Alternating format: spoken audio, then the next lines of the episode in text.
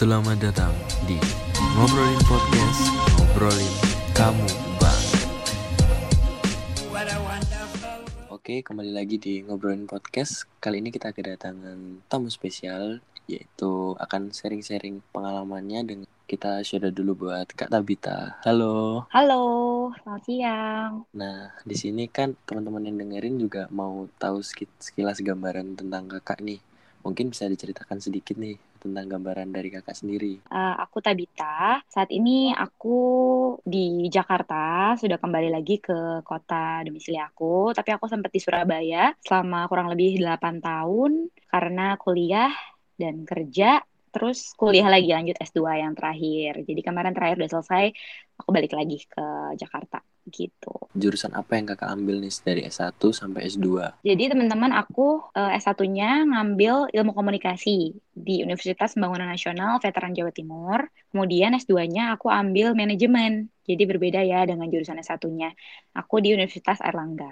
Ternyata keren juga perjalanan dari nih ada dua jurusan tapi yang berbeda gitu loh. Yes. Karena biasanya kan S1 harus kayak orang mikir harus nyambung gitu loh dengan S2. Nah, nah itu kenapa kakak berpikiran ngambil jurusan yang berbeda dari jurusan awalnya gitu? Jadi kalau dari S1 sendiri, aku udah kebayang banget untuk ngambil ilmu komunikasi dari sejak aku SMA kelas 1 gitu. Karena memang aku suka yang eh, berhubungan dengan banyak orang, terus habis itu ya yang ngobrol, terus ya berkomunikasi dan sebagai macamnya ya gitu. Jadi kurang lebih aku udah mulai ngulik itu dari SMA kelas 1 dan tertariknya memang di jurusan ilmu komunikasi ini yang yang yang sekiranya sesuai dengan apa yang aku suka gitu ya. Nah, untuk S2-nya memang eh, setelah selesai S1, untuk S2 itu kan aku nggak langsung, ada jeda dulu, kurang lebih dua tahunan ya. Aku kerja dulu, sempat kerja di hotel, kemudian melanjutkan S2. Nah, untuk S2 sendiri memang sudah kepikiran juga dari SMA kelas 2 atau 3 itu untuk nanti kayak mau ngambil eh, atau mau lanjutin S2 nih. Tapi belum kepikiran apa. Tapi sejak selesai kuliah, aku mulai banyak eh, ngobrol sama saudara, sama kakakku, terus sama om, tante, dan lain-lain. Dan aku juga eh, dikasih tahu gitu kalau misalkan jurusan ini, jurusan A, B, C, D gitu ya, salah satunya di manajemen. Dan aku ngerasa kayak kayaknya aku perlu deh untuk ngambil manajemen gitu. Dan aku terchallenge sih untuk ngambil manajemen ini karena em, aku ngerasa S2 itu aku perlu ambil ilmu yang sekiranya aku belum dapat di S1 aku gitu.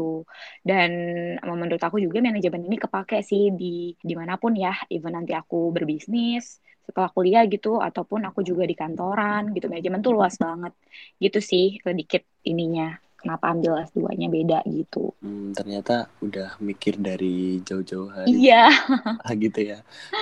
Ternyata betul. mungkin ini ada pertanyaan yang sangat nyambung dengan cerita yang barusan kakak Mhm, sampaikan. mhm. kan di mana kapan waktu yang tepat sih kayak buat ngelanjutin S2 apakah langsung apakah kita harus menahan diri selama setahun kita cari jati diri kita untuk Ya, ya. kerja dulu kah atau mau lanjut langsung itu gimana menurut kakak Oke, good question. Jadi emang eh, aku waktu itu tuh sempat bingung ya, maksudnya bukan ya, ya galau lah ya, anak muda lah biasa. Apalagi kan aku masih 25 tahun nih. iya Jadi eh, kayaknya tuh dari apalagi aku sempat S1 terus kerja dulu bentar jadi udah ngerasain duit kan udah ngerasain duit jadi namanya anak muda kan pengennya ya udahlah ya gue udah bisa udah bisa apa namanya ngasilin duit sendiri. sendiri iya ngapain lagi kuliah gitu kayak nyapain nyapain banget nih gitu kan tapi ya itu dia makanya kenapa mungkin eh, aku lebih apa ya lebih banyak ini juga banyak sharing terus doa juga gimana yang terbaiknya buat aku gitu kan. Pada- karena pada saat itu di umur aku juga yang kalau nggak salah masih 23 ya berarti ya karena S2 kan 2, dua tahun Mm-mm. 23 tahun itu aku mikir eh, lanjutin S2 nggak ya sempat maju mundur tuh gitu. Tapi kalau aku bilang mumpung ada kesempatannya juga eh, ya kenapa nggak diambil? Toh memang aku sih basically memang orangnya suka belajar gitu. Jadi ya udah sesuai dengan mimpi aku yang sebelumnya aku pengen S2 akhirnya ada waktu ada kesempatan ada biaya juga. Masih muda ada tenaga pastinya masih waktunya masih cukup banget gitu kan belum terbagi juga. Maksudnya kalau eh, kebanyakan kalau teman-teman yang S2 mungkin taunya kan yang memang sudah berumah tangga atau pekerjaannya udah yang udah bisa dibilang udah settle atau segala macam baru dia siap S2 gitu. Sedangkan aku aku yang masih istilahnya belum inilah ya masih muda terus pengalamannya juga belum banyak. Terus eh, tapi itu menjadikan aku jadi lebih lebih ini sih terchallenge iya terchallenge dan sekaligus kayak ya justru mumpung gue masih muda nih gue masih banyak kesempatan. Karena nanti kalau udah berumah tangga dan lain-lain tuh kayaknya lebih nggak mungkin sih. Maksudnya kayak bukan nggak mungkin ya lebih nggak sempat aja gitu kayak waktunya untuk sekolah lagi hmm. gitu jadi akhirnya aku memutuskan untuk ambil S2 nah balik ke pertanyaan tadi kalau untuk waktunya tepatnya kapan itu sebenarnya dibalikin ke diri masing-masing. Cuman kalau dari aku dari experience juga aku ngerasa bahwa uh, aku yang dari S1 terus sempat ada kerjaan itu aku ngerasa itu lebih oke okay sih. Karena uh, kalau misalkan dari S1 langsung ke S2 itu kayak belum ada pengalaman kerja juga nanti di S2-nya malah kayak bingung. Karena S2 itu kan sebenarnya lebih praktikal ya gitu lebih praktikal. Jadi kalau misalkan langsung nanti dia terlalu apa ya terlalu teoritis banget gitu loh. Sedangkan kalau misalkan udah sempat ada pengalaman kerja at least satu tahun aja ya. Satu tahun itu uh, paling nggak dia udah bisa membandingkan nanti yang diajarkan pada saat perkuliahan S2 dengan pada saat dia uh, kerja itu gitu loh. Jadi ada bayangannya paling nggak beda sama kalau yang sama sekali nggak ada bayangannya. Dan terbukti dari teman-teman aku yang memang sebelumnya udah uh, S1 langsung ke S2 itu tuh bilangnya gitu. Memang kayak aduh kayak nggak ada gambaran nih. Jadi kayak masih ngawang aja gitu pas S2 gitu sih. Jadi uh, menurut aku better abis S1 sempat kerja minimal setahun dan uh, ambil S2 gitu. Oke, dan itu mungkin juga bisa dibilang kayak kenapa harus kerja dulu mungkin mm-hmm. biar nggak kaget ya harus iya ngerasain dulu kerja itu kayak gimana sih nanti kalau biar lanjutin S2 terus berikutnya kita kerja lagi jadi ada ada gambarannya kan iya dan ya. juga nggak pertimbangan pertimbangan yang ada tuh ya cukup tepat lah aku bisa bilang untuk aku mengambil hmm. S2 itu kemarin setelah aku udah kerja kurang lebih ada basic dua tahun kenapa karena di Universitas Erlangga sendiri uh, eh, S2 aku gitu ya manajemen magister manajemen tepatnya itu dia ternyata syaratnya salah satunya adalah memang mengharuskan kita ada pengalaman kerja minimal setahun hmm. gitu jadi jadi which is aku sebelumnya nggak tahu kan yeah, iya. persyaratan yeah. itu jadi ketika aku mau daftar dan ada persyaratan itu aku bersyukur banget gitu kayak aku ternyata ya puji Tuhan banget ya udah ada sempat kerja gitu jadi masih uh, pada saat itu langsung bisa apply gitu karena banyak teman-teman yang nggak bisa apply di magister manajemen UNER karena kendalanya biasanya belum ada pengalaman kerja gitu ceritanya jadi perlu dicek-cek uh, dulu nih yeah, iya, uh, jurusan. Univnya kalian yang ingin kalian tuju kalau emang mau S2 itu syaratannya kayak gimana gitu biar nggak miskom. uh, aku ada pertanyaan nih, apakah gelar dua itu bisa mengembangkan masa karir ke depannya dari sebelumnya hmm. gitu? Apakah sangat berpengaruh atau hanya menambah experience sendiri gitu. Oke, okay. kalau buat aku pribadi dan berdasarkan experience ya sekali lagi karena di sini aku ngomongin dari sudut pandang dan uh, ya, experience benar. aku. Mm-mm, jadi kalau aku lihat sih memang teman-teman S2 aku nih banyak kan yang udah kerja tuh misalkan kayak 3 5 tahun ke atas gitu. Jadi udah banyak kan udah pegawai tetap gitu. Bahkan ada yang PNS gitu ya, terus ada yang di BUMN, ada juga yang usaha sendiri, macem-macem banget gitu. Uh, background background uh, pekerjaan mereka gitu ya. Dan pendidikannya juga macam-macam juga gitu malah cuma lebih sedikit loh yang dari manajemen ke manajemen lagi. Banyak banget yang backgroundnya tuh S1-nya bertolak belakang yang beda banget bahkan gak linear sama S2-nya gitu. Jadi memang mungkin karena magister manajemen ini memang yang terbuka untuk semua jurusan juga ya jadi nggak harus hmm. sama sebenarnya gitu. Jadi kalau meningkatkan karir uh, menurut aku ada bisa sih memang meningkatkan karir. Mungkin di proses di profesi-profesi tertentu yang memang mungkin mereka uh, dengan mereka kuliah S2 setelah selesai mereka akan bisa naik jabatan misalkan gitu ya. Cuman kalau aku sendiri kan karena memang tidak uh, bekerja di bidang BUMN atau PNS yang seperti itu, jadi aku nggak mengalami sendiri gitu. Jadi um, paling aku bisa lihat teman-teman aku itu untuk peningkatan karir itu bisa. Tapi kalau untuk di diriku sendiri, aku ngerasa tuh uh, di S2 ini menambah value diri sih lebih lebih tepatnya kalau di aku ya kenapa? Karena ya aku banyak ketemu teman-teman yang luar biasa hebatnya dengan background mereka beda-beda gitu ya which is aku yeah. juga bisa punya relasi lebih aku jadi punya koneksi karena koneksi juga penting banget kan. Nah salah satunya aku bisa dapat koneksi di uh, eh, S2 aku ini dengan teman-teman yang macam-macam itu. Terus habis itu juga dosen-dosen juga gitu kan.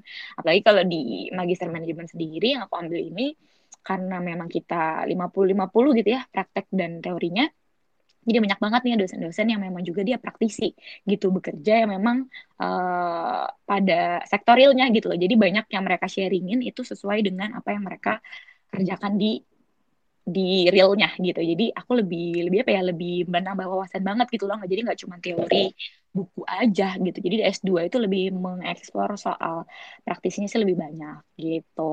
Tapi kalau untuk uh, apa namanya itu tadi ya di sebagian sebagian pekerjaan bisa untuk meningkatkan karir. Terus kalau untuk uh, yang mau daftar pekerjaan gitu ya. Kayak aku pun sekarang kan habis S2 aku mulai ngelamar-lamar lagi gitu. So far sih sampai sekarang sih belum ya belum belum apa namanya belum dapat gitu ya pekerjaannya. Cuman nggak tahu nanti kalau gimana. Tapi memang biasanya sih kalau yang dari S2 itu pasti akan lebih dipertimbangkan lah secara hmm. gaji dan segala macam itu pasti dia lebih uh, lebih apa ya lebih lebih dilihat lah kayak gimana kayak gitu. Uh, biasanya sih seperti itu dan harapannya seperti itu gitu. Amin. Dan iya. selama perjalanan kakak sendiri nih, mm -hmm. selama dari S1, S2 tuh sampai yeah. punya pengalaman kerja, apakah sepengaruh itu atas yang namanya relasi atau kayak mm -hmm. pertemanan kita tuh harus luas kayak harus punya ya bisa dibilang kenalan orang yang mungkin punya bisa bisnis lah atau mm -hmm. bisa ngajak kita kerja itu apakah penting atau hanya sekedar perlu saja tapi nggak perlu banget Ah, oke. Menurut aku perlu perlu nggak perlu tapi perlu sih ya perlu sih ya dalam dalam kehidupan sekarang apalagi gitu ya bahkan banyak kan orang yang mungkin sebenarnya dia secara talent gitu biasa aja gitu kita sering banget kan dengar kayak gitu tapi ternyata dia mungkin punya uh, the power of relation atau mungkin kita sering sebut sekarang the power of orang dalam gitu ya yeah, sering yeah. banget kan biasanya kayak gitu tapi kalau buat aku pribadi mungkin itu uh, perlu tapi apa ya kalau menurut aku tergantung juga gitu. Karena kadang juga bisa jadi apa namanya uh, pedang bermata dua gitu kali ya. Karena di satu sisi kalaupun kita uh, misalkan kenal sama si A ketika kita dapat nih pekerjaan misalkan kita kenalan nih sama si A terus dia bilang udah kerja di kantor gue aja nanti jadi gini gini gini. Nah ketika kita dapat posisi itu dan kita tidak bisa bekerja sesuai yang diharapkan gitu kan ya uh, atau di atau di luar ekspektasinya dia yang ada kita malu sendiri ya kan jadi nggak hmm. enak apalagi karena kenal gitu jadi biasanya kalau aku sendiri sih tergantung nah kalau misalkan di pekerjaan aku kurang sih kurang kurang begitu setuju sih kalau untuk yang relasi-relasi yang kayak gitu-gitu ya maksudnya apalagi yang harus bekerjanya bareng gitu hmm. aku takut ngecewain sebenarnya oh, takut iya. takut tanggung jawabnya malah jadi lebih berat gitu jadi hmm. mungkin kalau relasi lebih yang kayak ya mungkin aku kerja di kayak kemarin kerja di hotel gitu. Mungkin aku butuh vendor butuh apa segala macam nah relasi-relasi aku nih yang mungkin yang di S2 atau yang di S1 atau teman-teman aku yang lain lah yang kayak gitu-gitu uh, yang bisa aku jadiin buat itu tadi uh, untuk uh, partnership atau apa kayak gitu. Kayak gitu-gitu sih. Jadi lebih kayak saling uh, mungkin membantu atau di luar dari pekerjaan bisa tapi kalau di pekerjaan yang bareng-bareng aku rasa enggak deh.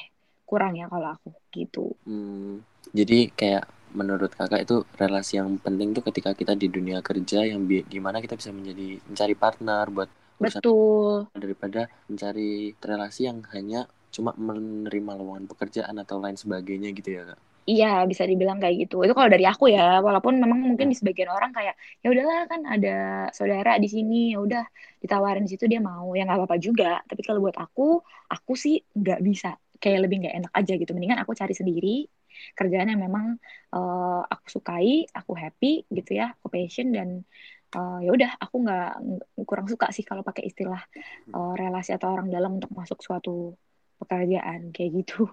Apalagi ya, untuk mendapatkan suatu posisi ya. Bener banget kayak di sini juga kembali lagi buat kalian yang dengerin ini tentunya kayak ini kan kembali lagi di pendapatnya dari Kak Tabita sendiri Betul. Nih. Nah, jadi kalau memang kalian punya pendapat sendiri ya tentu itu kembali lagi ke diri kalian di mana kalian akan mengambil keputusan sesuatu yang ya. kalian benar ya belum tentu orang lain juga bisa membenarkan tapi ya, Betul. ya kembali lagi tetap terima risiko ketika akan ngambil keputusan Nah, yes. ini aku mau tanya lagi nih ke kakak. Gimana kenapa kuliah di Surabaya dan akhirnya memutuskan kembali lagi untuk bekerja di Jakarta? Kenapa itu? Oke, jadi memang kan aku domisili dari awal dari lahir itu di Jakarta sampai SMA kan. Iya. Kemudian ke Surabaya itu karena memang ada kakak yang kerja di sana, jadi aku ikut kakak gitu ya istilahnya. Kalau uh, apa namanya?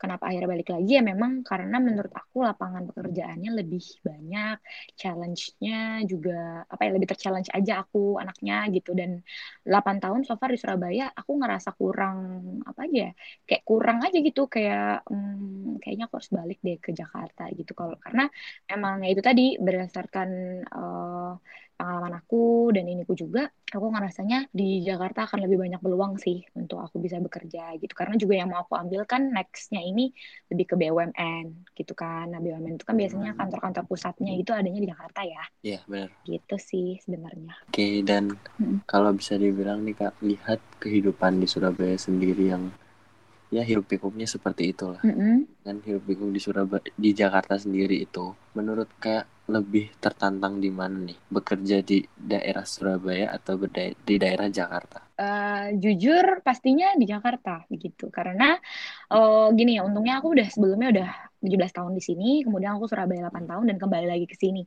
Jadi ketika aku memutuskan lagi juga memang aku sudah paling tidak paling tidak bukan paling tidak ya paling banyak uh, sedikit banyaknya sudah tahu gitu. Maksudnya bahwa ketika aku memutuskan di sini aku harus siap dengan segala konsekuensinya gitu. Karena juga hidup pilihan ya gitu. Jadi kalau bisa dibandingkan ya namanya ibu kota itu emang keras sih gitu. Secara ya pekerjaan secara juga uh, relation persaingannya kayak gitu. Itu juga pasti lebih lebih berat sih di sini gitu. Pasti sih di ibu kota gitu Oke, mungkin hmm. ini udah sampai di penghujung podcast dan Boleh. sebelumnya apa yang mau disampaikan ke teman-teman yang dengerin atau pesan lah intinya daripada hmm. podcast kali ini yang ingin disampaikan. Oke, okay.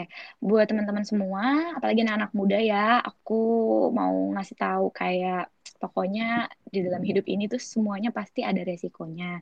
Jadi kalian mau itu ambil S2, sebenarnya mau ambil mulai dari S1 aja jurusan atau apa, itu bener-bener deh. Sekarang udah ada Google apa segala macam gitu, senior, tanya saudara apa segala macam, tanya referensi sebanyak-banyaknya supaya kalian juga bisa dapat gambaran nih kayak gimana sih jurusan yang uh, kalian bener-bener inginkan. Jangan sampai salah pilih dan juga kalau punya teman-teman yang mau S2 jangan takut. Jangan kebanyakan maksudnya mikir boleh dipertimbangkan boleh tapi jangan terlalu banyak takut. Selama masih ada kesempatan ada biaya ada tenaga dan ada waktunya pastinya ambil S2 karena menurut aku uh, bisa ningkatin value diri kalian pastinya koneksi juga.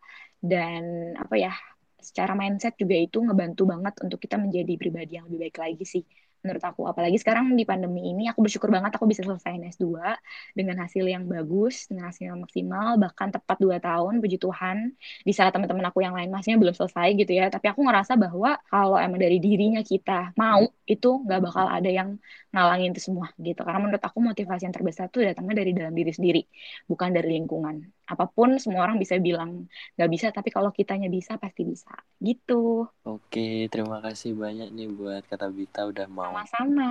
ini. Dan mungkin bisa kita tutup podcast kali ini. Dan sukses terus buat kata Bita thank you. And bye bye see you. Bye bye see you. What a wonderful world